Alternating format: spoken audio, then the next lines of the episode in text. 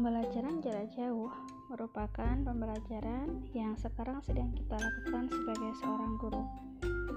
Pada kesempatan ini, saya akan mengajak pendengar sekalian untuk mengetahui bagaimana sih pembelajaran jarak jauh di mata pendidik, siswa, dan wali murid.